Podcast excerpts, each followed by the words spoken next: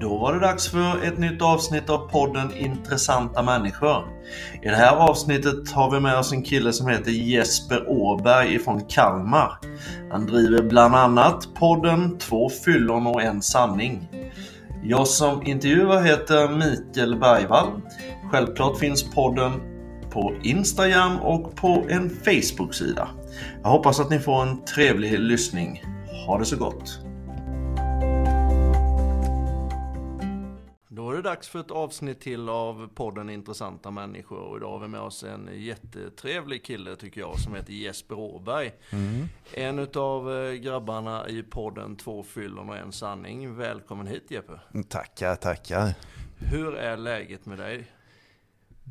Väldigt bra skulle jag säga just nu. Det är... Mm, vad överdrivet det lät direkt kände jag, men, men alltså det är fullt ös, så vill jag också säga. Och jag, skiljer, jag vill gärna skilja på stress och fullt ös. Ja, ja. Men de ligger lite nära till hands ibland. Vad är det som får dig, vad är det som, vad är, det som är drivet i livet nu då? Just nu så är det, eh, jag jobbar på ett behandlingshem mm. för ungdomar. Eh, samtidigt som jag utbildar mig till beroendeterapeut. Och har som ambition att så småningom börja jobba lite mer och mer som beroendeterapeut. Ehm, och då blir det förmodligen lite mer vuxna människor jag kommer jobba med. Mm.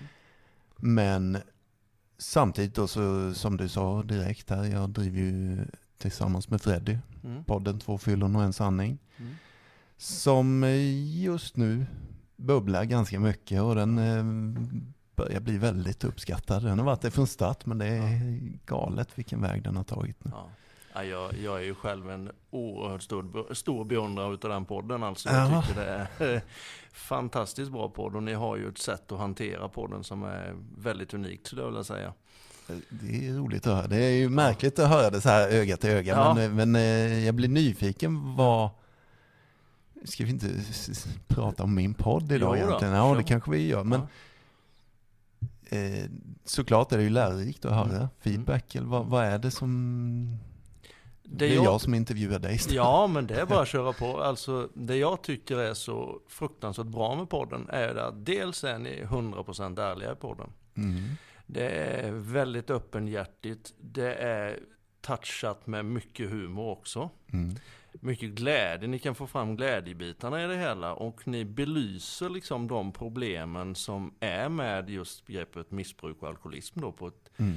riktigt sjukt sätt. Mm. Eh, sjukt bra sätt rättare sagt. Mm. Och eh, man blir hela tiden mer och mer intresserad utav avsnittet. Alltså jag kan tycka ibland så här, ah, fan var det bara 40 minuter nu alltså. Mm. Man, man vill ju liksom, man ser fram emot de här avsnitten hela tiden. Och det är ju så min ambition är med poddarna jag driver också. Att folk ska mm. vilja vänta på nästa avsnitt och att verkligen eh, men ni har någon form av harmoni tillsammans som gör att, eh, jag vet ju själv att första gången ni träffades så var det inte, klickade ni ju inte på en gång, det har jag förstått. Nej, precis.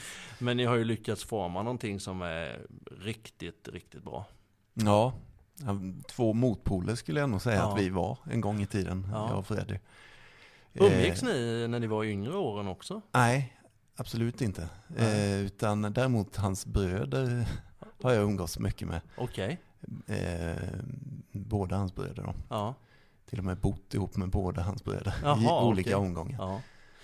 Eh, nej men och, och så, men eh, Fred och jag, är, så är det, det är sant. Och det ja. står både Fred och jag för, vi klickade absolut inte nej. förr. Nej men det, det, känns väldigt fint och när ni får med sanningen på sina flitar i programmet också så blir det mm. optimalt. Mm. Alltså det, eh, för, så för er som inte har lyssnat på podden Två fyllon och en sanning så kan jag bara varmt rekommendera er att lyssna på den. Den är fantastiskt bra. Och mm. även följa er på sociala medier. Eh, om vi då går till Jesper Åberg lite. Mm. Kan du berätta hur allt började en gång i tiden? Hur din uppväxt var och var du växte upp till exempel? Mm. Ehm, då växer ju jag upp. Jag föddes ju på 80-talet, mm. 1982. Eh, växer upp i ett litet, litet samhälle som heter Ruda. Mm. Högsby kommun. Ja. Eh, Och det är en sån här liten håla man kör igenom med bil ibland. Eh, om man ska till Kalmar kanske. Spela fotboll har jag gjort där. Det har du gjort ja. Ja, På Tallusvallen. mm, jajamän. Ja, nej men och det har jag också gjort. Mm. Ehm, men där växte jag upp i, ehm, med min mamma och min syster första kanske sju åren eller något sånt. Eh, Min eh, pappa försvann tidigt. Eh, Har möjligtvis två minnen i huvudet. Och jag vet inte ens om de stämmer eller om de Nej. är fabricerade Ja. av honom. Och eh, lite sådär. Det speciella med det är ju att eh, jag fick inte höra ett ord om vad det var som hände egentligen. Eh, och ja, totalt eh, tyst så. Ja. I, nu hoppar jag framåt väldigt Ja, långt fram i tiden här men eh, jag vet inte om jag var kanske 25, 26. Eh, eh, när jag stod på en scen Mm. och föreläste inför fullsatt Kalmarsalen Ja. och pratade om min nykterhet och min, mitt missbruk. Och efteråt så är det ju alltid några stycken som vill prata lite Mm. eh, och fråga lite hur ska man göra här och jag har en vän och så vidare. Och sist av alla så sitter det kvar en, en tjej Mm. tillsammans med, som jag uppfattade kanske en vaktmästare eller någon sån där lite Ja. äldre gubbe då. Och hon eh, har konstaterat, lyssnat på hela föreläsningen och säger att du är min bror, säger hon. Okej. Okej. Ja, för då hade jag väl berört lite där om min pappa och sådär. Ja. Och det jag hade förstått av vem han är och sådär, för jag hade fått höra saker och ting under min uppväxt.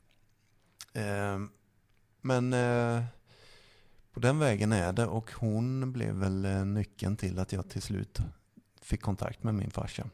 Mm. Så jag tror jag var 27 år första gången jag fick ett sms, eh, grattis på födelsedagen, ja, från min farsa då. Och sådär. Ja. Det var första gången han kontaktade mig tror jag. Men det var ett sidospår egentligen. ja, men jag måste ju bara fråga då. Mm. Bodde han i närheten utav dig? I, runt omkring Emmaboda har Ja. han bott större delen av mitt liv. Fick jag reda på då. Mm. Det är ju relativt nära. Ganska nära, ja. Ja, precis. Så. Mm.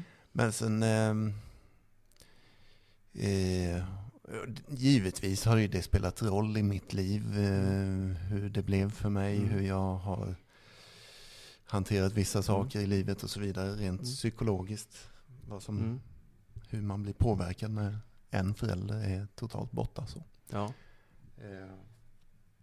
Och det där kan man ju grotta ner sig i, vilket jag gillar då. Det är jag ju nördig i. Ja, sånt. men fortsätt grotta. Nej men alltså jag har ju då som sagt eh, delvis blivit nykter och drogfri. Mm. Men många år in i min nykterhet och drogfrihet så kände jag att det är mer saker som jag hade behövt bearbeta ännu mer. Ja. Och rent professionellt med terapeuter och sådär. Och då närmar vi oss något som vi ibland nämner i min podd som heter vuxen barnproblematik. Mm. Och från början så tror jag att man oftast sa vuxna barn till alkoholister. Mm. Eh, På engelska säger man ACOA, Adult Children of Al- Alcoholics. Mm. Och det, det finns ju som eh, behandlingsform då och, och terapeuter som kan behandla i det. Mm. Eh, Men på senare år, jag vill mena att det finns, man kan ta bort den sista delen av det där. Det behöver inte vara att man är uppvuxen med missbruk utan vuxen barnproblematik brukar jag hellre prata om. Mm. Alltså, de allra flesta har vuxit upp i en dysfunktionell familj, mer eller mindre. Mm. I mitt fall så var det ju inget missbruk. Kanske på grund av att min farsa försvann. Mm. Så slapp jag den biten. Men han var missbrukare? Jajamän. Ja. Och, eh,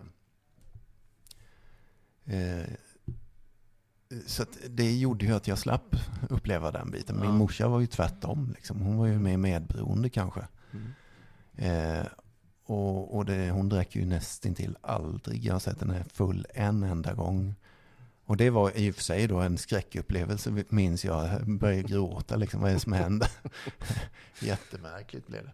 Ja. Men eh, eh, jag tog ju givetvis med mig ett stort frågetecken i min uppväxt. Vem är min farsa? Mm. Eh, som barn och undrade liksom och så här. Och hittade på fantasier var han fanns någonstans och att han var en hjälte och alla möjliga idéer som barn ofta får. Mm. Eh, men hela tiden en saknad rent psykologiskt av att i ett barn blir det lite som att eh, det var mitt fel ungefär. Mm. Ett barn förstår inte bättre. Mm. Utan tar på sig massa skuld i det. Och att jag inte duger till en av mina gudar brukar jag prata om. Eh, Mamma och pappa är de enda gudarna man har som barn kanske. Eh, och de bestämmer liksom när du ska pissa, skita, äta, Mm, sova Ja. och så. Trösta när man är ledsen och, och, och inte trösta och så vidare. Peppa när man vill framåt. Ja. En av de gudarna försvann helt enkelt och det sätter ju spår givetvis. Ja. Eh, vi kan eh, fastna i detta ämne känner jag. men, det, är, eh, det är jätteintressant. Framförallt är det intressant för de som inte känner till vuxen-barnproblematiken. ja, Vad det egentligen innebär. och, och, men om vi skulle dra en snabb grej i det. Alltså att ett barn då som jag som växer upp och känner mig lite annorlunda än min granne där, där det fanns mamma och pappa. Mm. Jag känner mig lite konstigare än de andra för jag har bara en mamma och vad är din pappa? Frågar folk då. Var, varför har inte du någon pappa? Och så vidare. Och så, så småningom får man ju kanske då en styvpappa, vilket jag fick. Mm. Eh, men det är ändå hela tiden, det heter inte pappa. Nej. Det är lite annorlunda. Mm. Och eh, vad skulle jag komma till? Nej men en av dem som ska trösta mig, som ska ge mig trygghet, valde att gå. Eh, givetvis sätter det spår. När man sen då så småningom växer upp, i mitt fall 12-13 års ålder, testar lite alkohol och känner att alla de här konstiga känslorna om mig själv, att jag är annorlunda och jag eh, duger inte riktigt som, som jag är och så vidare. Har problem med att gråta, har problem med att visa känslor på, i vissa känslotillstånd. Du, hade Plötsligt, stängt, du hade stängt av helt enkelt. exa, ja vissa grejer. Ja, ja. Och jag brukar välja ordet att jag var obekväm med vissa känslor. Mm. Eh, men när jag drack så, så hände ju magi där då. Då vågade jag plötsligt visa de här känslorna som jag var obekväm med. Jag vågade gråta helt plötsligt. Jag vågade bli förbannad helt plötsligt. Vilket inte är farligt att bli arg, men i kombination med alkohol så kan det gå jävligt snett när man blir förbannad. Stämmer. Eh, ja. Men ehm, med mera, med mera. Liksom. Det blev jävligt skevt att hantera de här känslorna med alkohol. Så att när vuxen barnproblematik gifte sig med missbruksproblematik, vilket det blev i mitt fall, Ja. då blir det riktigt snurrigt Mm. Och trassligt att ta sig ur det. Liksom. det. Det blir som en form av självmedicinering. Började det liksom redan i högstadiet då? Det började tidigt alltså? För du har ju varit nykter i många år nu och, och, Ja. så det började väldigt tidigt. Ja, så var det för, direkt skulle jag säga. Ja. att det började för mig. Mm. För det gifte sig med en gång, som jag sa, den här medicinen Mm. på mina... Det är klart att det inte är kul att gå runt och hålla inne tårar om man faktiskt är ledsen. Nej. Det är klart att det inte är kul att hålla inne ilska om man faktiskt är arg på någonting. Någon har retat en eller någon har gjort något som inte är rätt. Liksom. Men jag hade lärt mig att stänga av vissa känslor. Jag var inte bekväm med de känslorna. Eh, och det är inte, eh, jag sitter inte och försöker hänga min morsa att hon inte har uppfostrat mig rätt eller min styvfarsa och så vidare. Eller min biologiska pappa. Utan det är bara att så blev det för mig. Eh, vissa känslor blev jag sämre på att hantera. Eh, och eh, när jag senare då till slut håller på att mista livet olika tillfällen Ja. i mitt missbruk och överlever egentligen. Eh, Du höll på att bli mördad. Jag trodde du nästan skulle säga det, Ja. eller jag höll på att säga det själv. Men Ja. alltså det, ja, så börjar ju faktiskt vår podd, Ja. första avsnittet. Och det var jag inte beredd på då, att Freddy skulle ta upp. Det var jag inte riktigt beredd på nu. Men så är det ju. Det är det tydligaste tillfället, eller kraftigaste tillfället, när jag fick mig en liten, eh, vad ska vi kalla det, käftsmäll. Riktig jävla smäll. När, när jag kände att fan, jag är ju, vad var jag då, 20 eller något sånt. 20 år gammal, det är inte dags att dö. Ja. Det är dags att leva liksom. Alltså, ja, ja. nu är det ju, det kan inte stämma att jag ska dö nu. Och sådana tankar och sådär.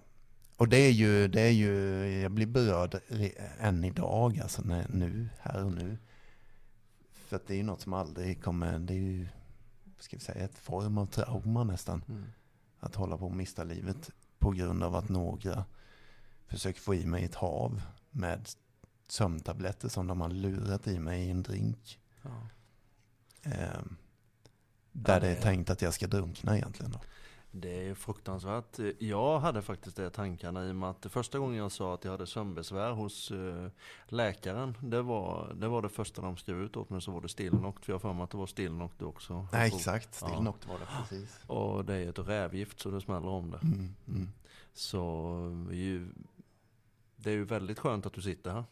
Ja, det de två som försökte, så kan jag ju säga om ni hör det här så har ni misslyckats Ja. rätt så De kraftigt. kanske inte lever nu själva. En av dem har jag sett för något år sedan, för första gången sedan den gången. Så såg jag honom för något år sedan. Nu vet Eh. jag ju att du genom, eller har genomgått eh, vissa former av behandlingar och, och Mm. tolvsteg och de här bitarna. Då, men nu ska vi inte gå in djupare på det. Men känner inte du, man säger att man ska släppa agg och hat och de här bitarna. Mm. Men kan du aldrig känna hat emot den människan eller de människorna som gjorde det mot dig? Eh, definitivt för, säg 16 år sedan. Ja. Idag inte så mycket alls. ja. För, jag vet inte ens om jag skulle säga 1% hat. Det Om, om du fick möjlighet att slå dem på käften, skulle du göra det? Det hade jag ju då för något år sedan. Ja. Ehm, Men, eh, nej men alltså grejen är, det, det har, du är ju på rätt spår där. Det vi pratar tolvstegsprogrammet och vi Ja. pratar terapi och allt möjligt. Mm. Eh, och det var ju inte bara på grund av dem som jag höll på att dö. Jag höll på att avsluta mitt liv på egen hand också många gånger. Eh, och olyckor och grejer som kunde gått riktigt illa. Mm. Så att eh, de är ju bara någon i ledet anledning till att jag höll på att stryka med. Men jag menar, ja, på grund, varför säger jag så? Det låter som att jag skyddar dem här nu. Det är inte så jag menar, utan eh, jag ville verkligen komma bort ifrån det där skitlivet, rent ut sagt. För att Mm. prata väldigt enkelt. Mm. Eh, så jag gick in för det här behandlingen, terapin, stenhårt kan jag säga. Och å andra sidan, ena dagen så var jag 50% där, andra dagen 100%. Alltså det skiftade lite olika dagar i den här behandlingen. Men när jag kom dit så var jag desperat. Det var ingen som behövde tvinga mig till den här be- behandlingen kan jag säga. Utan jag ville Mm. lappa ihop mitt liv och överleva. Eh, och då så tackade jag också ja till att göra det här ordentligt. Kan man säga. För det går att göra det halvhjärtat och dribbla lite med sig själv och sitt liv. Och det går att göra det helhjärtat. Ja. Nej, men, och jag, jag var färdig alltså. Jag pallar inte mer. Jag orkar inte mer. Jag vill inte dö. Och då ska vi ju säga att vid 22 års ålder nå Mm. sin hit bottom eller vad man Mm. ska säga. Alltså Mm. det är väldigt tidigt. Ja, det är det. Mm. Det är, tror jag, än idag ganska ovanligt. Ja. Men eh, det sker ju. Det sker. Och där jag var på den behandlingen, det var ju gruppbehandling och det var ju folk som var yngre än mig som gick där också. Så När, helt ovanligt är det inte. Nej, när har man... eh, Ja, lite konstigt formulerad fråga kanske, men när tror du att en människa själv kommer underfull med att man har problem med exempelvis alkohol? Mm. När, liksom, när, är, när bör man liksom tänka till? När du får konsekvenser som du inte vill ha. Helg efter helg eller om det så är veckor efter veckor. Alltså Mm. konsekvenser som du i nykter tillstånd, i nykter tillstånd inte vill ha. Eh, exempelvis då, vi pratar inte om att man kräks lite någon kväll när man har druckit för mycket. Det är ju en konsekvens absolut. Men om jag går till mig själv, den kan jag leva med. Mm. Det är helt okej. Mm. Om jag får vara superman en kväll. Ja. Men när, det, när jag sitter och moraliskt uppriktigt menar att man kör faktiskt inte bil på fyllan. Det är fan inte okej. Nej. Sen vaknar jag på söndag bakom ratten och inser att jag har kört ganska många mil. Till Stockholm exempelvis från Hultsfredfestivalen, vilket har hänt. Mm. Eh, det är ju en slags ångestkonsekvens. Liksom. Fan, undrar vad som har hänt på vägen. Liksom. Och, Om man inte kommer ihåg någonting då ja. ja, visst. Ja. Eh, men vi kan ta andra konsekvenser. Exempelvis i nyktert tillstånd då, i mitt missbruk, Mm. Så anser jag att man är fan inte otrogen. Men det har jag varit. Mm. och haft en jävla ångest för det. Det är konsekvenser jag inte vill ha. Jag vill inte utsätta någon för sånt. Alltså det är riktigt, Nej. det, det är så jävla lågt liksom. Det är ett as som beter sig så. Ehm, konsekvenser som att bara slå någon på käften. Men jag, jag vill inte slå någon på käften. Men nu har jag gjort det en jävla massa gånger liksom. Mm. Och eh, ännu mer blivit slagen på käften. Mm. Eh, men alltså så vill inte jag leva mitt liv. Har du inte, jag måste ju spåna på det där lite, Mm. men temperament har ju alla och eh, någon form av tändningspunkt finns det ju på alla. Men hur kanaliserar du ut det nu för tiden då? Nu för Mm, tiden säger jag, sitter emot, eh, mitt emot en kille som är du är ju dina bästa år nu. Ja. Nej men hur kanaliserar du ut det? Är det bara någonting som jag har fått för mig eller tränar du kampsport? ja, det var ju, det har du ju spanat riktigt. Ja. Vad jag säger. Eh, Men eh, ja, det stämmer. är, Absolut. är det ett terapisätt för dig? Eh, det var inte så det var tänkt, men det har det ju definitivt blivit. Ja. Alltså, eh, eh, det ska väl sägas också att i mitt fall, som jag började prata om där, Mm. vuxen-barnproblematiken, Ja. långt innan missbruket. Eh, där valde jag ju att hantera ilska med att lägga locket på. Mm. Jag var ju inte våldsam som barn. Utan tvärtom, jag riktade det inåt mot mig själv och slog på mig själv och tyckte att jag var värdelös och sån ilska. Mm. Eh, ett form av självhat snarare än att det gick ut över andra. Däremot gick det ut över andra i bitterhet och självömkan och på den, alltså det bara stank Mm. egentligen, ilska. Mm. Snarare att det blev knytnävar. Men, men eh, däremot när jag började missbruka, då hände det ju att då kunde man säga hej till mig på fel sätt, så small det. Mm. Alltså vid vissa tillfällen. Mm. Eh, det behövde inte ens vara hotfull, utan då blev jag förbannad om jag var på det humöret. Ja.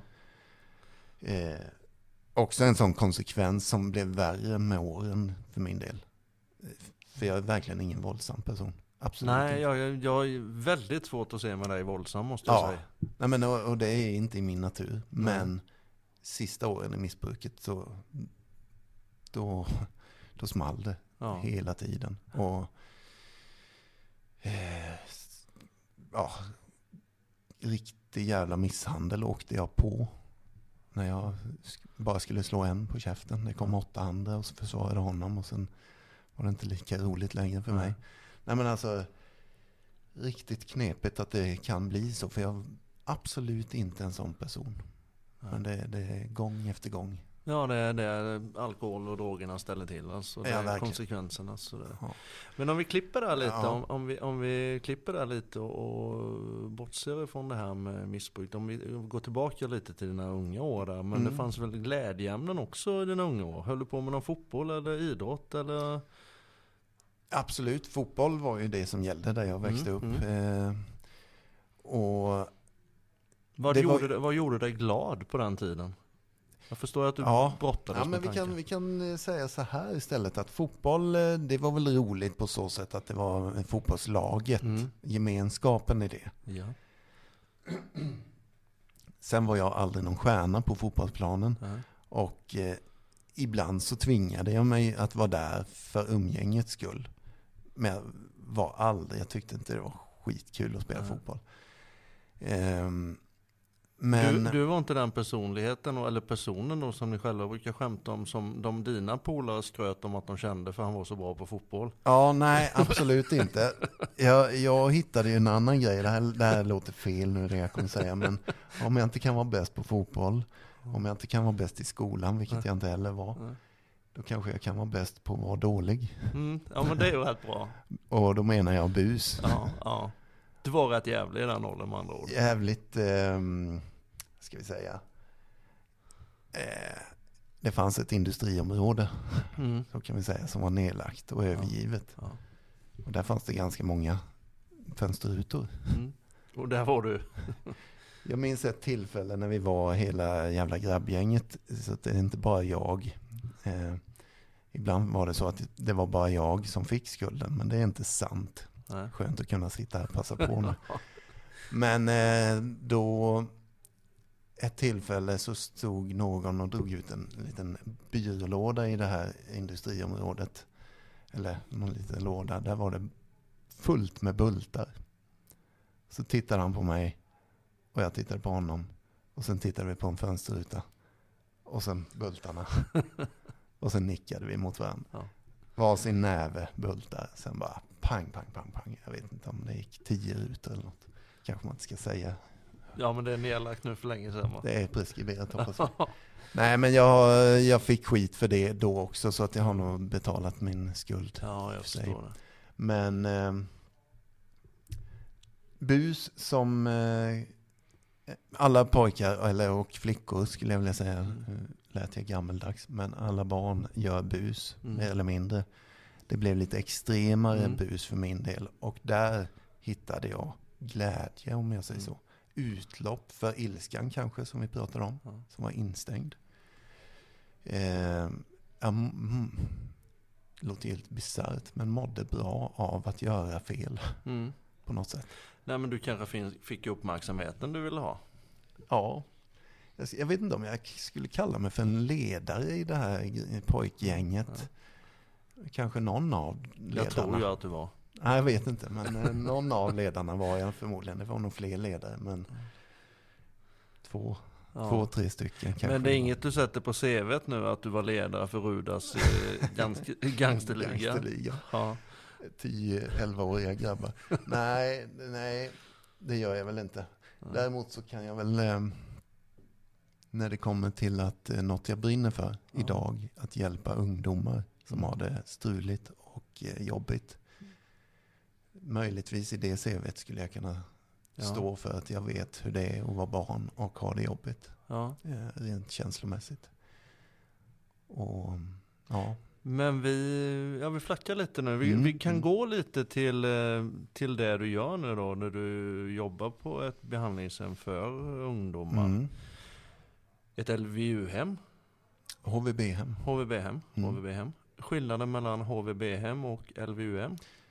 Ja, jag kan väl säga så att på ett HVB-hem så kan du vara, som det heter, LVU-placerad eller solplacerad. Mm. Eh, Det kan vara både och på ett Mm. HVB-hem så. Men jag tror det du syftar på är egentligen kanske en SIS, eh, alltså Lagen om lite vård om... Ja, ett stängt, eh, Ja, precis. heter låst Mm, mm, hem mm. så sett. Lite hårdare så. Ett HVB-hem är mer öppet och eh, vad ska vi säga, lite snällare variant kanske. Ja. Eh, många kommer kanske från en låst, eh, ett låst boende till vårt boende Mm, som ett steg till att få flytta hem igen. mm. Så kan man säga. Sen är jag, ehm, ja det låter ju dumt. Jag är lite ringrostig på alla begreppen i Nej, det här. Men. Men eh, nej men alltså LVU står ju, lagen om vård av ungdom tror jag det står för Ja. om jag ska vara Mm, korrekt där. mm. Eh, Men så att de är väl lite mer tvingade att Mm. vara där. Medan solplacerade är kanske lite mer frivilligt.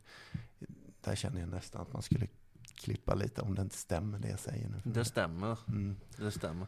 Jag själv jobbat på, fast det är på LVM-hem då. Mm. Mm. Eh, och det är ju lagen om vård av missbrukare, äldre då. Äldre då. Mm. de, men de är ju rätt... Eh, det satt, förr hette det ju P34, vi klipper bort det här sen Mm. också.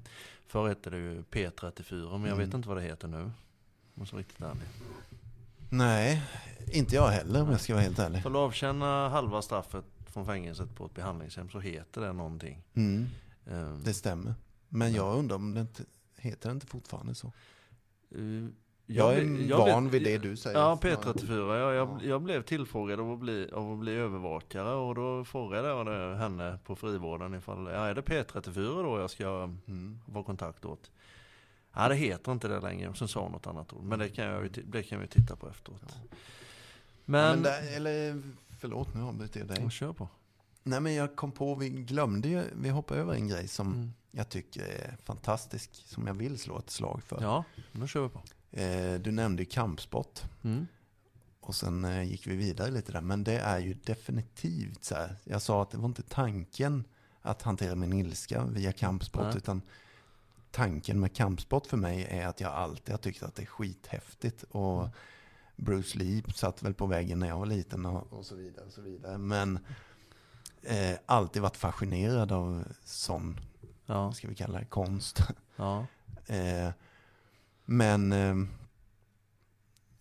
nu kommer jag av mig här. Eh, däremot just ilskan ja. fick jag ju på köpet där uppleva att jag kanske sällan är arg idag, men negativ energi skulle jag vilja snarare prata om. Dåligt humör, lite tjurskalle, det kan jag vara idag. ja. Och trött och grinig. Kommer jag på ett pass och tränar kampsport så är det bortblåst efteråt. ja. Alltså då är man ju tvärtom positiv energi. Vad är det för kampsport du tränar? Brasiliansk jiu-jitsu, Okej. okej. BJJ. Ja.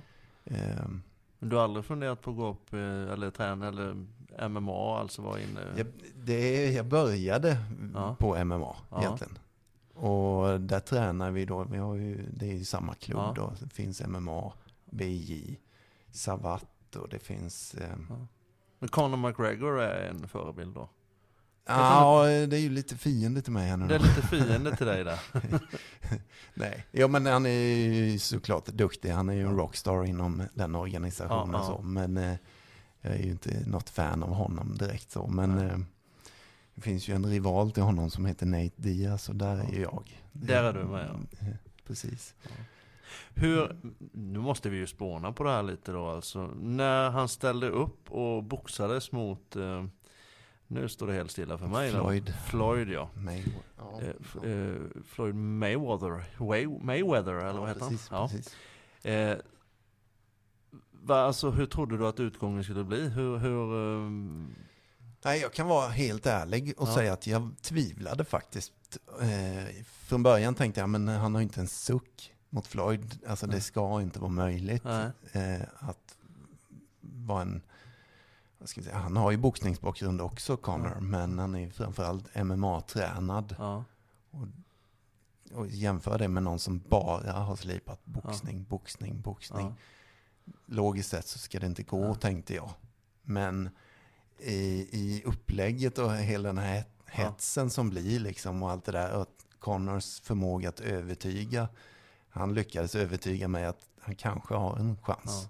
Ja. Och han Faktiskt. hade ju... um, i- Ja, det var inte helt, nej. åt, eh, helt åt helvete så. Utan det, men eh, ja, Hade han vunnit om han hade använt hela toppen? Fått använda hela toppen och inte bara boxats? ja, men det hade han. Då, Det hade han. det tror jag. Då hade han vunnit. Ja. Eh, Jag såg när Floyd tränade på säcken innan hans slag. Eh, Mm. Rätt intressant att höra ljudet i säcken Mm. när, han, när Mm. han stod där. Så. Mm. Vilken roll och vilken funktion fyller du för unga killar och tjejer som har de här problemen? Ja, prata om sig själv på det här sättet. Men eh, jag tror ju att, eller jag vet, Jag vet att mina fördelar ligger ju i att jag själv har behandlat mig själv. Att jag Ja. själv har jobbat med mig själv. Och mina svårigheter, mina känslomässiga svårigheter. Vilket de här ungdomarna också går runt med. Och en del, de jag jobbar med har ju oftast eh, andra diagnoser än vad jag någonsin har haft. Alltså det är autism och ADHD och alla möjliga grejer då. Och trauman och olika grejer som de har gått igenom. Eh, just det kanske jag inte har så mycket erfarenhet av. Men känslomässiga svårigheter, där, där ligger jag bra till kanske. Du har en hög empatisk förmåga. Ja, Mm. det skulle jag vilja påstå. Och jag har ju också förmågan då att prata. Jag har fått öva på att prata ifrån mitt hjärta egentligen. Mm. Väldigt mycket. Mm. Exakt hur det känns ibland. Mm. När man är rädd, när man är arg eller när man är ledsen, glad. Alla känslor Mm. måste man kunna prata Mm. om kan jag tycka. Nu Eh, pratar vi lite om hur, hur du tror att du uppfattas. Mm. Hur, hur, hur man ser hur rollen du har i personalgruppen. Är du pastor Jeppe som kommer och, och, eh, och ehm, diskuterar din historia och, och på så sätt försöker påverka ungdomarna i rätt riktning? Eller är du en kille som har en empatisk förmåga som gör att du kan sätta dig in i deras tankar på ett helt annat sätt än vad en människa som aldrig själv har varit i missbruket har. Nu ska vi se. Frågan var hur personalen, att Ja. de tänker de så om mig. Nej, hur, hur de som sitter på hemmet eh, tänker om dig. Hur du uppfattas utav killarna och tjejerna när du kommer dit. Alltså är Mm. du pastor Jeppe som kommer dit? Nej, nej, jag tror att jag är kanske mer, hur ska vi kalla det, Rock'n'roll-Jeppe? storebror Storebror ja. ja. möjligtvis. Alltså just där jag jobbar försöker vi kanske, det är väl inte uttalat, men det känns lite som att det tanken ska vara lite familj. Att det ska finnas en storebror och lite äldre personal. Alltså du vet, Familjen. Ja, men förebilder, vuxna förebilder och så. Men eh, jag kanske är mer, jag vet inte. Men hur Svår hanterar... fråga. Alltså, Men du ska ju vara en förebild. jag är definitivt den som kanske ibland tar med mig mitt egna Playstation till Mm. jobbet. Mm. För att jag vill också vara med och spela. Mm. Jag sätter mig gärna med er eh, ungdomar och så kör vi. Liksom. Lär du även ut den där brasilianska jujutsu?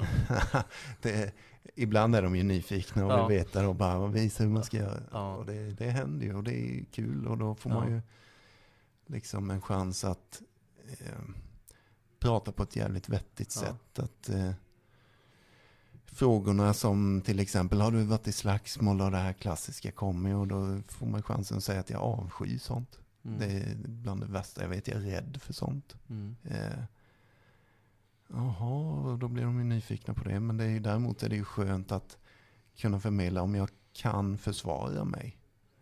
Så försvinner rädslan lite. Mm. Och det är lite som att då försvinner också risken att hamna i ett slagsmål. Om jag utstrålar trygghet, då är det väl ingen som vill gå på en. Liksom. Nej. Antar jag. Jag har ingen belägg Det, för tror det. jag, det men, tror jag definitivt. För jag tror att sen jag började träna kampsport så har jag aldrig hamnat illa ute. Alltså, det, det är som att det... Men du har heller inte druckit alkohol under tiden du har tränat Nej, kampsport? d- dessutom det då. Skulle, om det mot förmodan, vilket vi hoppas och det Mm. förmodligen aldrig kommer att ske, att man får ett återfall Mm. och du hamnar i bråk. Skulle det vara en tillgång eller tvärtom ifall du hamnade i de bråken under påverkan av alkoholen? Jag tror, alltså man kan väl tänka då så att då skulle jag kunna bli en farlig person kanske. Mm. Men jag tror att jag skulle bli ganska ofarlig också för att kunna utöva den Mm. kampsporten så måste du vara skärpt i huvudet liksom. Ja. Annars så misslyckas du förmodligen med det. Ja. Eh, men ehm, ja, spännande fråga. Det är väl ingen bra kombo. Nej, Eh, jag vet själv, jag hörde för många år sedan med en eh, person, en intervju med en person, han berättade ju det att eh, han var ju en väldigt känd fighter uppe i Stockholm och Mm. ställde till det mycket men eh, han övergav ju alkoholen och drogerna för att kunna slåss. Mm. För att han eh, kunde inte hantera det här bråken Mhm. och få eh, Ja, nu är det ju lite tonårssnack vi pratar här men, men alltså man, man, man hanterar väl sakerna Mm. på väldigt, väldigt olika sätt. Jag är i varje fall eh, glad att jag inte behöver träffa dig och bli ovän med dig med tanke på den, den Mm. kunskapen du besitter. Ja. Eh, om, vi, om vi då går vidare, om vi pratar om att vara en förebild, vilket jag förmodar att du strävar efter att vara en bra förebild för ungdomar. ja, det får man väl lov att säga. Mm. Absolut. Eh, och Vad är en bra förebild? ja, mitt spontana svar skulle vara liksom att visa att du är sårbar. Dölj inte det.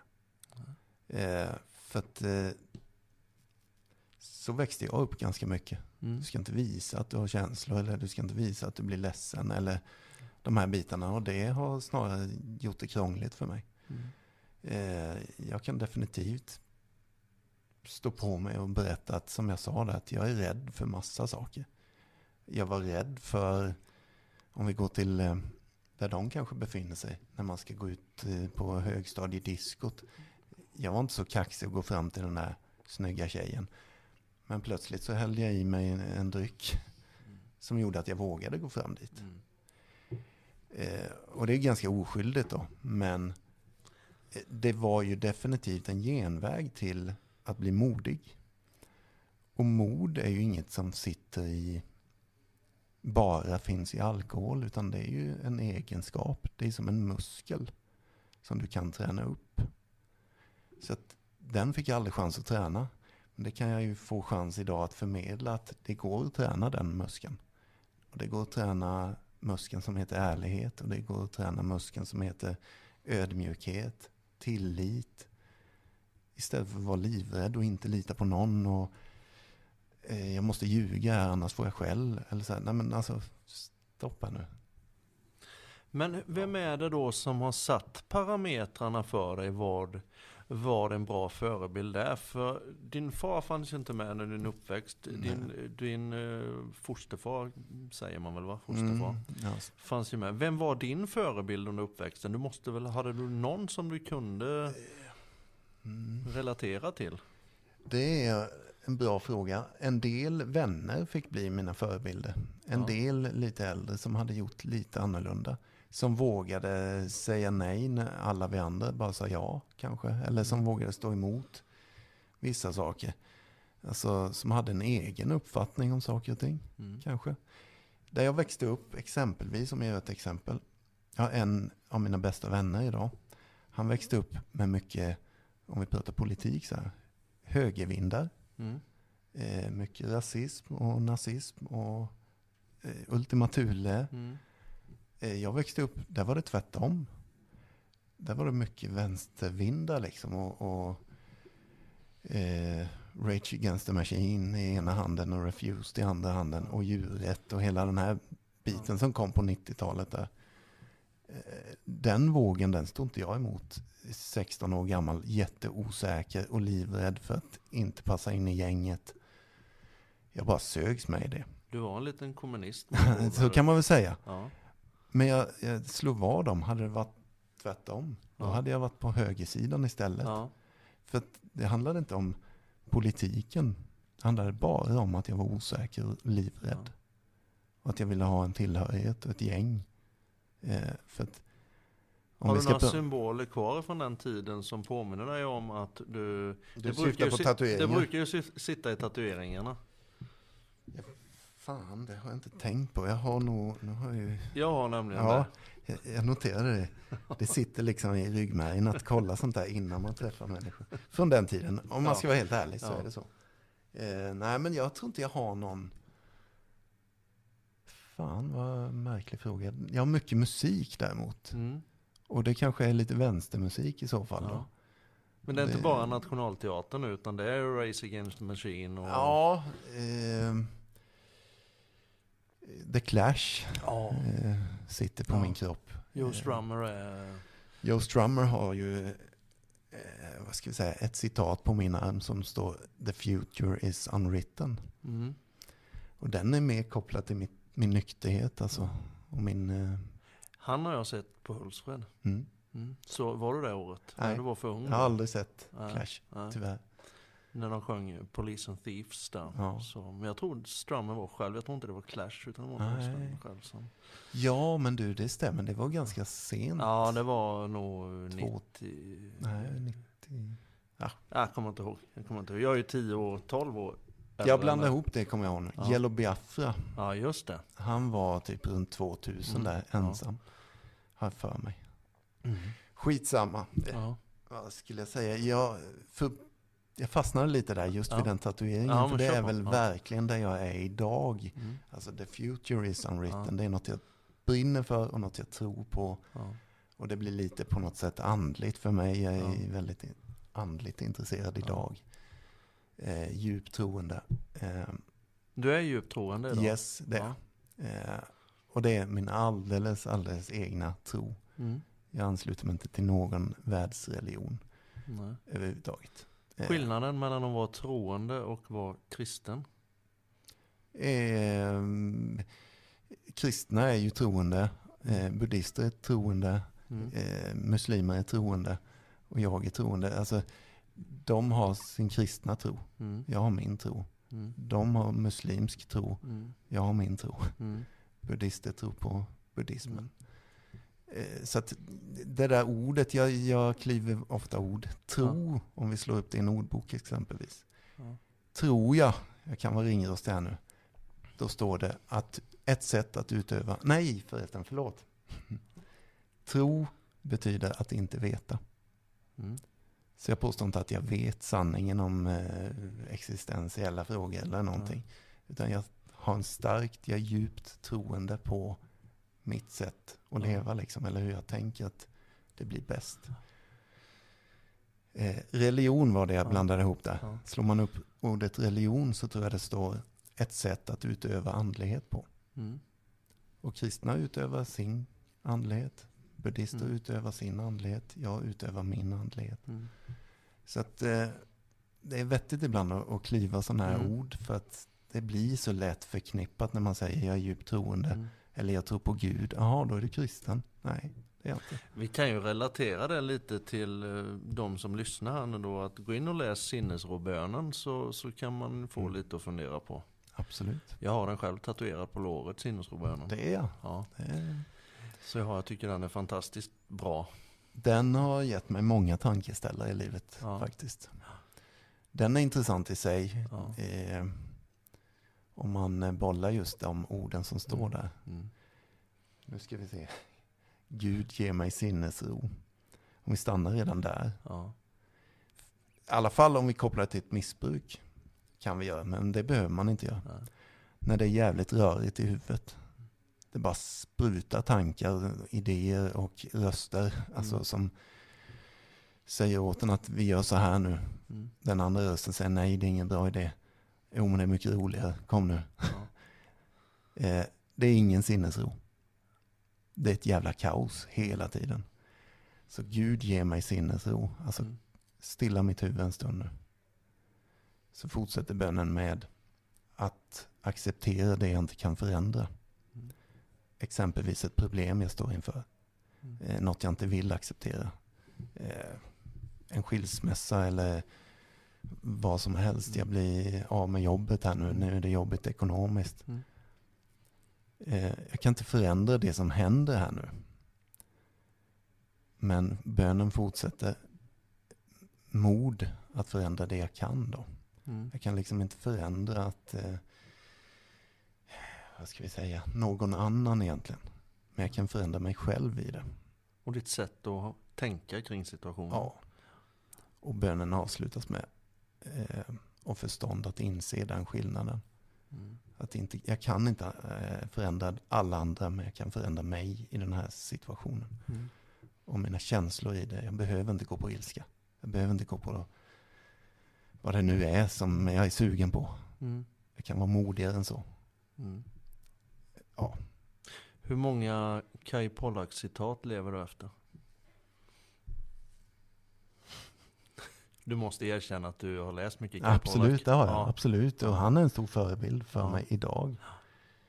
Eh, Jag fick tyvärr en, jag skulle åkt på ett sånt, eh, någon helggrej med han. Ja. På, någon, på någon sånt, men det blev tyvärr inställt. Det blev precis i samband med coronan kom. ja. Nej men alltså jag, ärligt talat så har jag nog inga citat från honom just nu i mitt liv. Men det har säkert cirkulerat Mm, mm. ett dussin. Men eh, Varje människa som du möter är en prövning. Och utsänd Ja, för att, på, utsänd för att lära mig Ja, någonting ja, om mig precis. själv. Ja. Du har lyssnat på min podd tror jag. Jag har lyssnat väldigt mycket på din podd. Ja, jag, har också jag läst, tror att jag säger exakt jag det har- i min podd. jag har också läst väldigt mycket Kai Pollak. Ja. Eh, vad heter den boken? Det står helt stilla nu. Konsten att välja glädje heter den va? Mm, att välja glädje. Att välja glädje heter den Mm. ja. Den boken fick mig att börja ändra tankarna extremt mycket. Samma här. Den, den, Mm. Jag tror det var en bok som kom innan som hette Att växa genom möten. Ja, det stämmer nog ja. Och där tror Ja. jag det står det som vi nyss sa där. Ja, Eh, Att varje människa är, tänk om det är så att Mm. varje människa jag möter är utsänd för att lära mig någonting om mig själv. Ish. Tänker man så, så blir ju livet jävligt mycket enklare. Mycket mer spännande att leva Ja, på det Det sättet. blir det. Och det är också så här, fasen vad jag babblar känner jag nu. Nej, kör på, kör på. vill, Men, eh, när jag nyktrade till så var det ganska tidigt så insåg jag att jag behöver ha någon form av mening med mitt liv om jag nu ska sluta göra det jag uppenbarligen älskade på något sätt. Men som också höll på att kosta mig livet. Mm. Hur fan ska jag göra nu då? För nu blir ju allt tråkigt och alla de här grejerna tänkte jag. Jag måste hitta någon form av mening med det här då. Mm. Och då fick jag nog börja så helt enkelt att tänk om det finns en mening med allt som sker. Mm. Även det jobbiga, även det roliga. Det var en bra start för mig att fundera på om det finns en mening med allt som sker, då blir det lite mer spännande att gå utanför dörren nu. Mm. Så här, vem kommer jag möta på? Mm. Finns det en mening med att jag möter den här gubben med rullatorn? Mm. Eller tjejen där borta, har hon något att säga mig? Är det något jag behöver lära mig? Liksom? Alltså, sen kanske man inte går fram till alla och frågar om det, men det blir lite mer som att leva i en film. Liksom. Ja men det blir lite spännande och på det sättet du förklarar det på så blir det ännu mer spännande, det är helt klart. Jag hörde, jag hörde på tal om det, jag, det var ett av era avsnitt, det var en herre som berättade att han första året han var nykter så vann han en biljett till Sweden Rock och Mm. skulle gå där och då var han nykter där nere bland alla tusentals hårdrockare. Mm. Och ehm, jag känner själv, jag har varit med mina äldre söner på Metal Town och Sony Sphere och, och de här bitarna och fått gå där nykter och, Mm. och, och titta på, alltså men upplevelsen blir ju en helt annorlunda upplevelse för du är ju en musikkille Mm. och ehm, där kan man väl liksom, eh, ja, jag kan fråga dig, hur, hur upplever du liksom de här konserterna och, eh, och eh, festivalerna numera då när du inte dricker Mm. på dem? Det är ju helt annorlunda upplevelse. Älskar frågan också, för jag, det, det är som du säger, jag är riktig musiknörd har jag varit Ja. i mitt liv. Eh, så, eh, som din förra fråga också, vad gjorde dig glad Ja. förr? Liksom? Alltså musik har alltid fått mig glad, men Ja. också ledsen förresten, ska vi tillägga, men det är en annan grej. Eh, Det finns farligare musik också. Ja. Jag blev ju rätt ledsen när du inte kände igen vårt bandnamn. Måste jag säga. Ja, Det ja, ja. Nej, men eh, eh, jag är förmodligen inte fullblodsnörd då med andra ord. Men, eh, nej, men alltså, gå på festival i min nykterhet har varit jätteviktigt för mig. Mm. Eh, och det har varit, vi säger just exakt det avsnittet du syftar på där.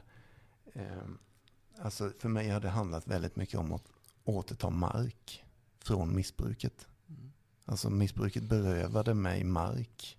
Alltså att gå på. Mm. Festivaler eh, måste jag ta över, alltså jag måste återta den marken. Mm.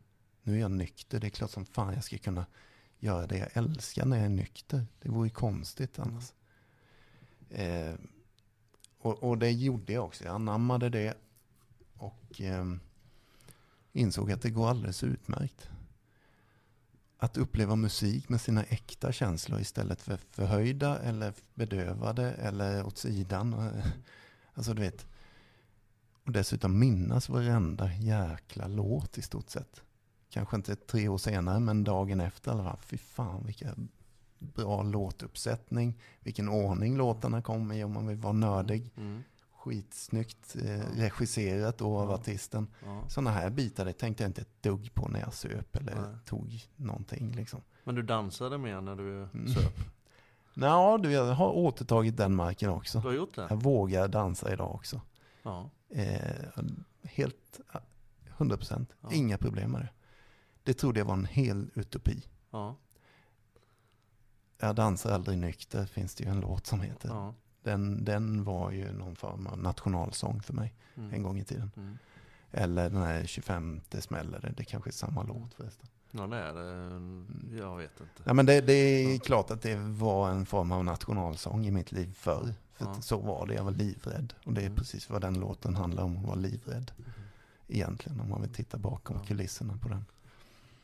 För jag kan ha kul även om det är den 14 i månaden idag. Och Ja. jag kan ha kul den 13 också. Men det är ju fantastiskt. Mm. Det är riktigt bra. Så är det. Jag har eh, några frågor till jag vill fråga. Jag vet Mm. ju som sagt ditt brinnande musikintresse och du har ju berättat Mm. om det här nu då. Dina tre favoritband. The Clash, Mm. Joakim Thåström som soloartist. Mm. Skulle vara tråkigt att säga Ebba nu då. Ja. Så jag skiter i att säga det. Med tanke på att du sa Thåström som solartist så Ja. blir det Ebba. Ja. Ja. Eh, The Clash, Thåström. Ska ta något lite annat då? fan skulle det kunna vara? Ramon skulle kunna spela in. Nej, men jag säger Rancid då. Bara för Ja. att det, det sitter på min kropp Mm. också. Och har betytt mycket för mig genom livet. Fantastiskt bra band. Ja. Sällan jag lyssnar på dem idag, Ja. men eh, givetvis varmt om hjärtat så Mm. kan vi säga. Ja. Härligt. Är du alltid 100% ärlig i alla situationer? Nej, Vilka situationer är du inte ärlig i? nyss. Nej. När jag sa nej. Ja. Eh, nej, men eh, jag strävar mot det. Mm. Jag upplever, där har vi min andliga tro då. Mm. Jag tror att är jag 100% ärlig så mår jag som bäst. Ja. Sen är det inte lätt att leva upp till det. Jag är fortfarande en människa med rädslor. Mm. För att jag är nykter har jag inte klippt bort förmågan att vara rädd. Utan den är kvar där. Ja. Ibland är jag rädd för att vara helt ärlig i vissa situationer. Mm. Ibland är jag rädd för att eh, säga det jag nyss förespråkade, att jag är ledsen idag. Mm. Jag pallar inte riktigt, jag orkar inte. Bla bla bla. Rädslan är på mig emellanåt. Mm. Där jag kopplar på ett fake smile. Mm. Och det är inte ärligt. Om jag ska vara så då. Om vi ska kliva ordet ärlighet. Nej, för människor generellt sett är ju sådana att det är jävligt lätt att ta till humorn och skratten när det är jobbiga situationer. Yes. Nej men, eh, och så är det. Och jag kräver inte av någon och jag kräver absolut inte av mig själv att Nej. jag ska lyckas med det. Nej. Däremot så gillar jag att sträva åt det hållet. Ja. Liksom. Eh, Är du ärlig även om du vet att det sårar en människa? Nej, där är jag ganska viktig. Där, det var en bra fråga faktiskt. Mm. För det, om vi ska luta oss mot tolvstegsprogrammet, Mm. så står det också där, utom då det kan såra någon annan. Mm. Alltså vi ska inte må bra på annans bekostnad. Liksom. Att jag ska göra ner någon för att själv må bättre. Mm. Så funkar det inte liksom, i mitt liv idag. Förut gjorde det eh, Men eh, nej, så att där är det är en Mm. skitbra fråga alltså. Det är jättebra och intressant där. Mm. En annan att, fråga mm. som kanske inte är lika bra men som är ganska intressant att veta hur personer reagerar. Ifall du sitter och lyssnar på en föredragshållare. Folk sitter och fnissar åt honom för att han har glömt att dra upp gylfen. Mm. Går du fram och säger till honom att han ska dra upp gylfen? Nej, det gör jag nog inte. Inte för att jag inte är ärlig, utan för jag... Du vill inte genera han. Men om du då tänker att Ja. han är efter han har stått där hela tiden och alla har vetat om det men ingen har sagt det.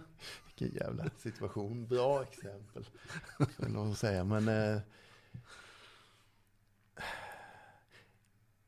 Jag hoppas, jag tror jag lägger över ansvaret på honom själv egentligen. Ja. Att han i så fall ifrågasätter, vad är det ni fnissar åt?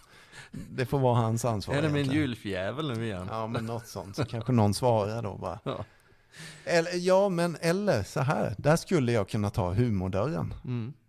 För att mm, kunna vara ärlig på ett sätt. Mm. Skulle jag kunna säga mm, rakt ut, har du varit på tjejkalas eller du vet så här? Ja, precis. Ja, den precis. klassiska 80-talssägningen. Nej men eh, då skulle det bli lite humor i det och Ja. kanske alla, till och med honom, Ja. eller skulle kanske skratta lite då. Eh, tack för du sa det kanske han skulle säga då. Möjligtvis. Det går ju att vara ärlig med humor Ja. också. Och humor är läkande, Ja. vill jag påstå. Ett litet, vi kan ta ett litet sista kapitel då i det här Mm. samtalet. Eh, Du är ute och föreläser. Nu är det Mm. väl inte så mycket föreläsningar Nej. nu, coronan och Mm. pandemin här. Men vad är det du föreläser om och hur får man tag på, på Mm. dig? Det är ju som du säger, nu är det ju stilla på den fronten. Mm. Men där håller vi på just nu, framförallt jag och Freddy, men även jag själv. Alltså Mm. vi gör ju egna grejer också, Ja. han och jag. Eh, ibland känns det som vi sitter ihop. Mm. Men eh, eh, jag har massa föreläsningsmaterial. Eh, vi håller på att snickra fram vårt poddmaterial. Ja. Alltså att vi kommer så småningom ge oss ut som podd och Mm. föreläsa på vår poddsättet. Mm, livepodd? eh, Ja, ja. Ja, det med, men eh, även eh, föreläsningar som vi inte spelar in överhuvudtaget, utan Mm. podden kommer till ditt företag, eller podden kommer till den här gymnasieskolan, Ja, eller podden kommer, om man så vill, de som vill, så Mm. kommer podden. Alltså, men det blir ingen inspelning av det, utan ni som har hört podden vet vad det är för touch på det. Mm. Vi kör i samma anda ungefär. Mm. Vi brukar säga en smäll på käften-podd. Vi säger lite sanningar rakt ut, Mm. utan skygglappar. Och det kanske man inte kan göra på samma sätt när man jobbar professionellt, alltså som terapeut eller som inom socialtjänster och sånt där. får man inte säga hur som helst. Men podden får säga precis vad man vill. Det är ju, Ish. ja, men det är ju väldigt bra.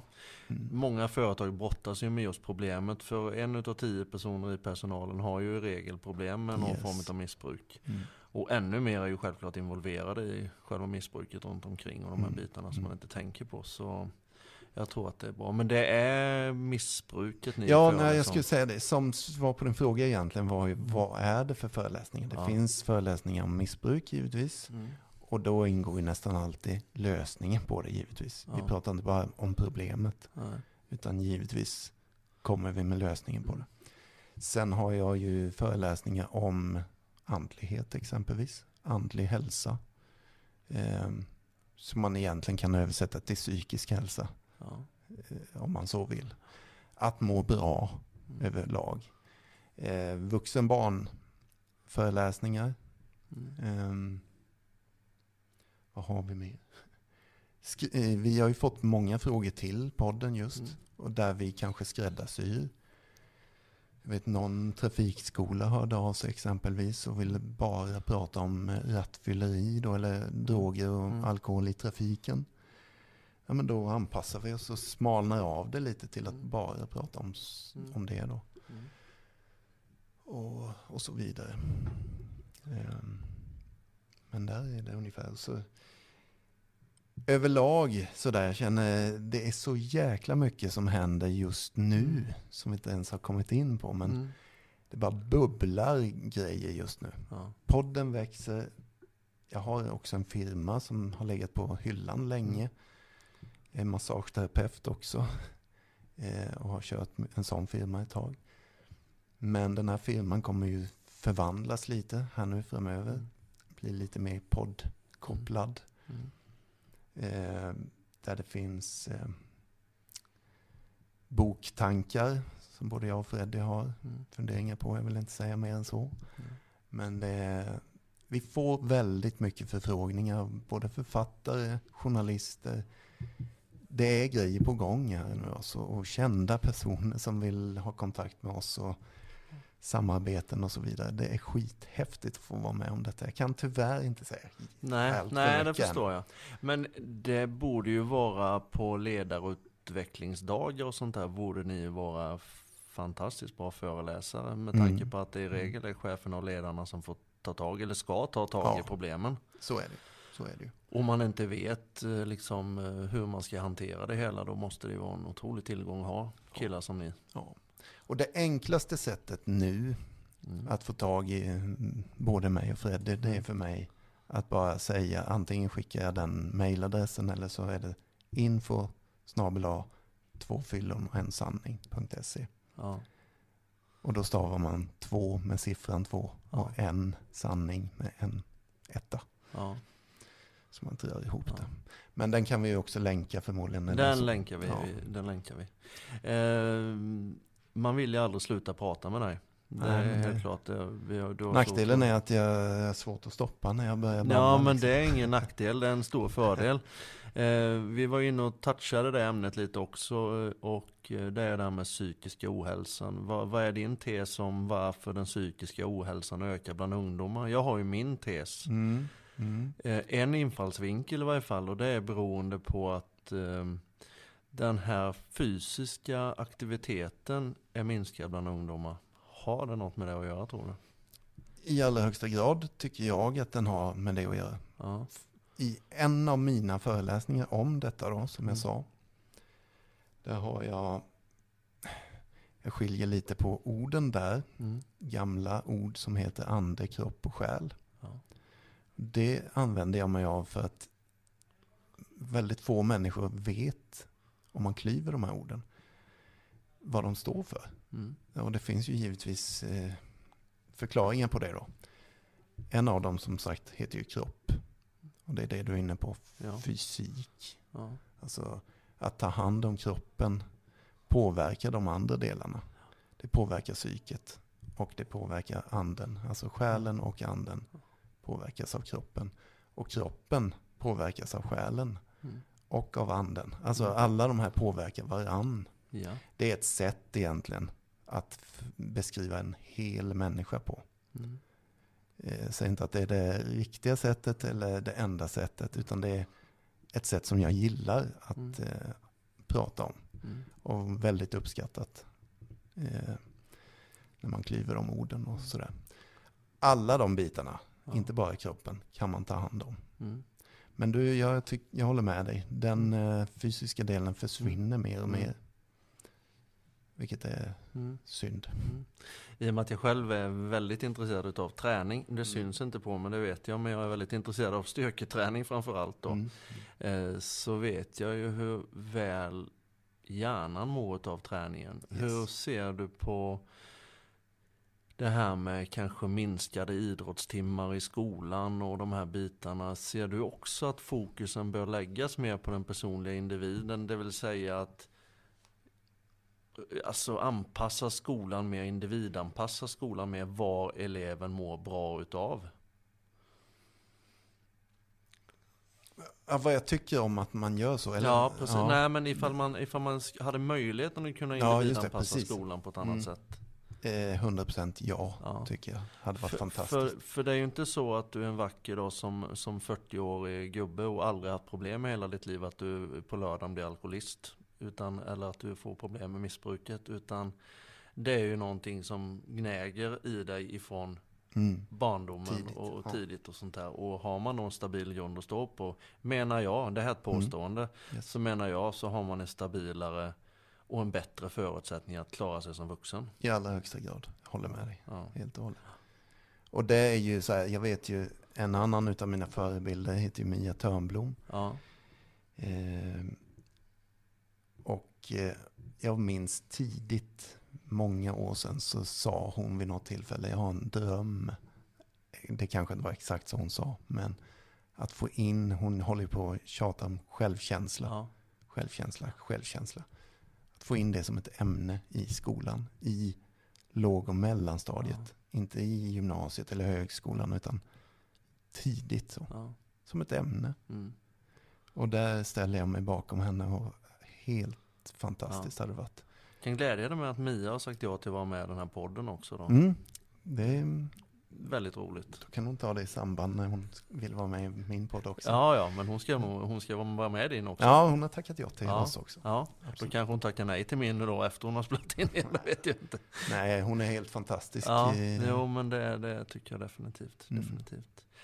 Är det något du känner vi har missat? Jag tror att jag kommer vilja prata med dig fler gånger under den här poddens livstid. Mm. Så, Det är du välkommen, varmt välkommen. Men Ja. det är, nej, jag vet inte om det är något jag...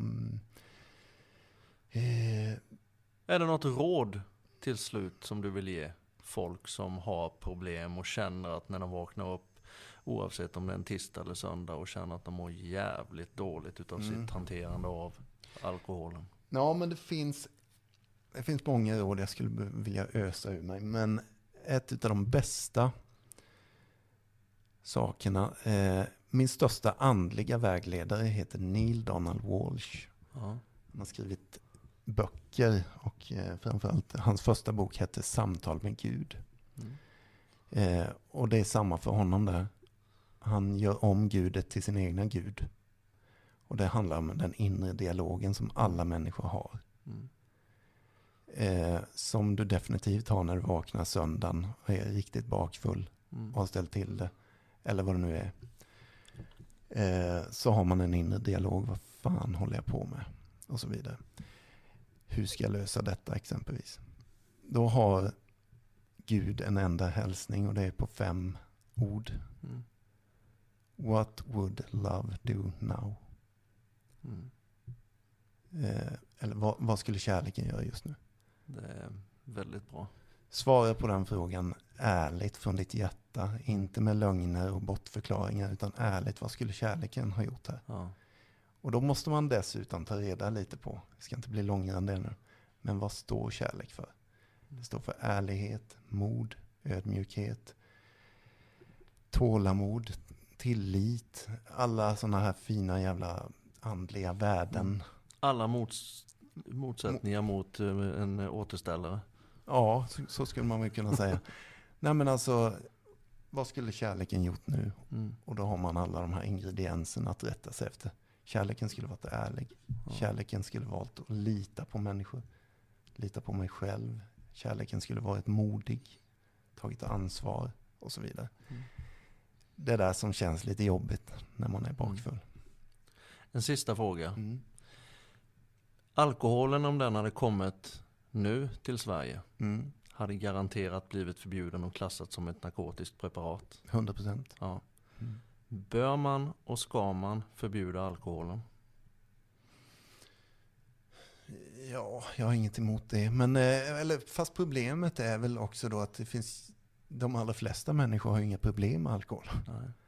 De har ju ganska kul med alkohol. Mm. Och trevligt och sitter och skrattar. Mm. Det, eh, vad ska vi kalla Men högaktar jag. Är det värt att offra den här miljonen som har stora problem med alkoholen Nej, för de det är ju andra? där det blir knepigt då. Mm. Så att, nej men alltså, personligen har jag inget emot att ta bort alkoholen från jordens yta. Men eh, eh, helt och hållet så. Jag tror att det Mm. skulle bli en trevligare plats. Men, eh, ja fan, nu blir jag långrandig. Nej, du blir det Eh, inte. Å andra sidan Mm. så är det en överlevnadsstrategi för väldigt många som mår dåligt, som jag gjorde. Mm. Om man inte då får hjälp med det, då blir det kaos i alla fall. Mm. Så att problemet kvarstår ju Mm. liksom, även om alkohol försvinner så kvarstår problemet att folk mår dåligt. Mm. Och då har de plötsligt ingen flyktväg. Då flyr de in något annat Ja. kanske. Något som jag tycker man kan se det på det är hur pass viktigt svenska folket ser på det här med alkoholen. Det är nu under pandemin när Mm. det är en av de största och hetaste debattämnena är varför får man inte servera alkohol efter klockan åtta på kvällen på en restaurang. Mm. Det är ganska patetiskt. Mm, det är det. Ja. Jag tappar, eh, tappar. jag tackar dig Jesper. Ja, nej men då jag tackar dig. Fantastiskt Hoppas det går att få ihop något av det här. Jag känner jag bara babblat. Nej, det är jättebra. Jättebra. Stort, stort tack för att du ville vara med. Tack. Och jag önskar dig all lycka till. Mm, Ha det gott. detsamma.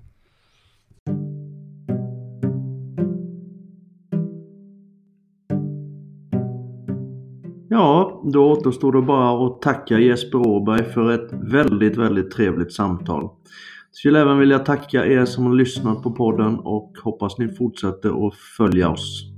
Ha det så jättefint. Hej!